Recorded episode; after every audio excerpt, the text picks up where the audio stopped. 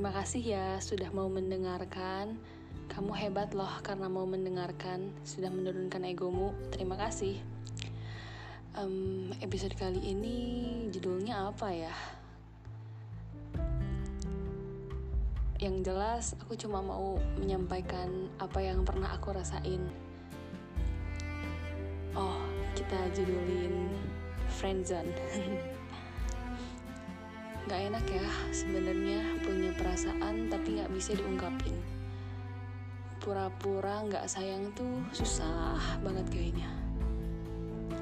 Pura-pura nggak perhatian sama orang yang kita sayang tuh rasanya ya susah. Ya gimana sih gitu?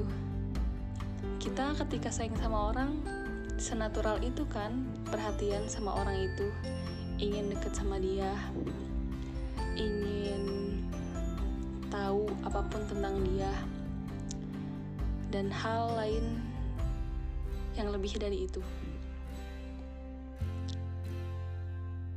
Tapi salah nggak sih sayang sama teman sendiri? Oh maksudnya perasaan sayangnya lebih dari teman gitu. Gak mau cuma jadi teman, ingin lebih. Tapi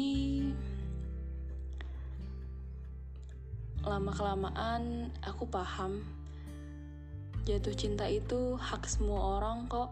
Kamu berhak untuk jatuh cinta. Dan kadang kita nggak punya kendali atas hati kita. Yang salah itu ketika rasa jatuh cinta sudah berubah jadi rasa ingin memiliki. Kita cenderung jadi orang yang egois. Bukankah ketika pertemanan berubah jadi relationship ke depannya bakalan beda ya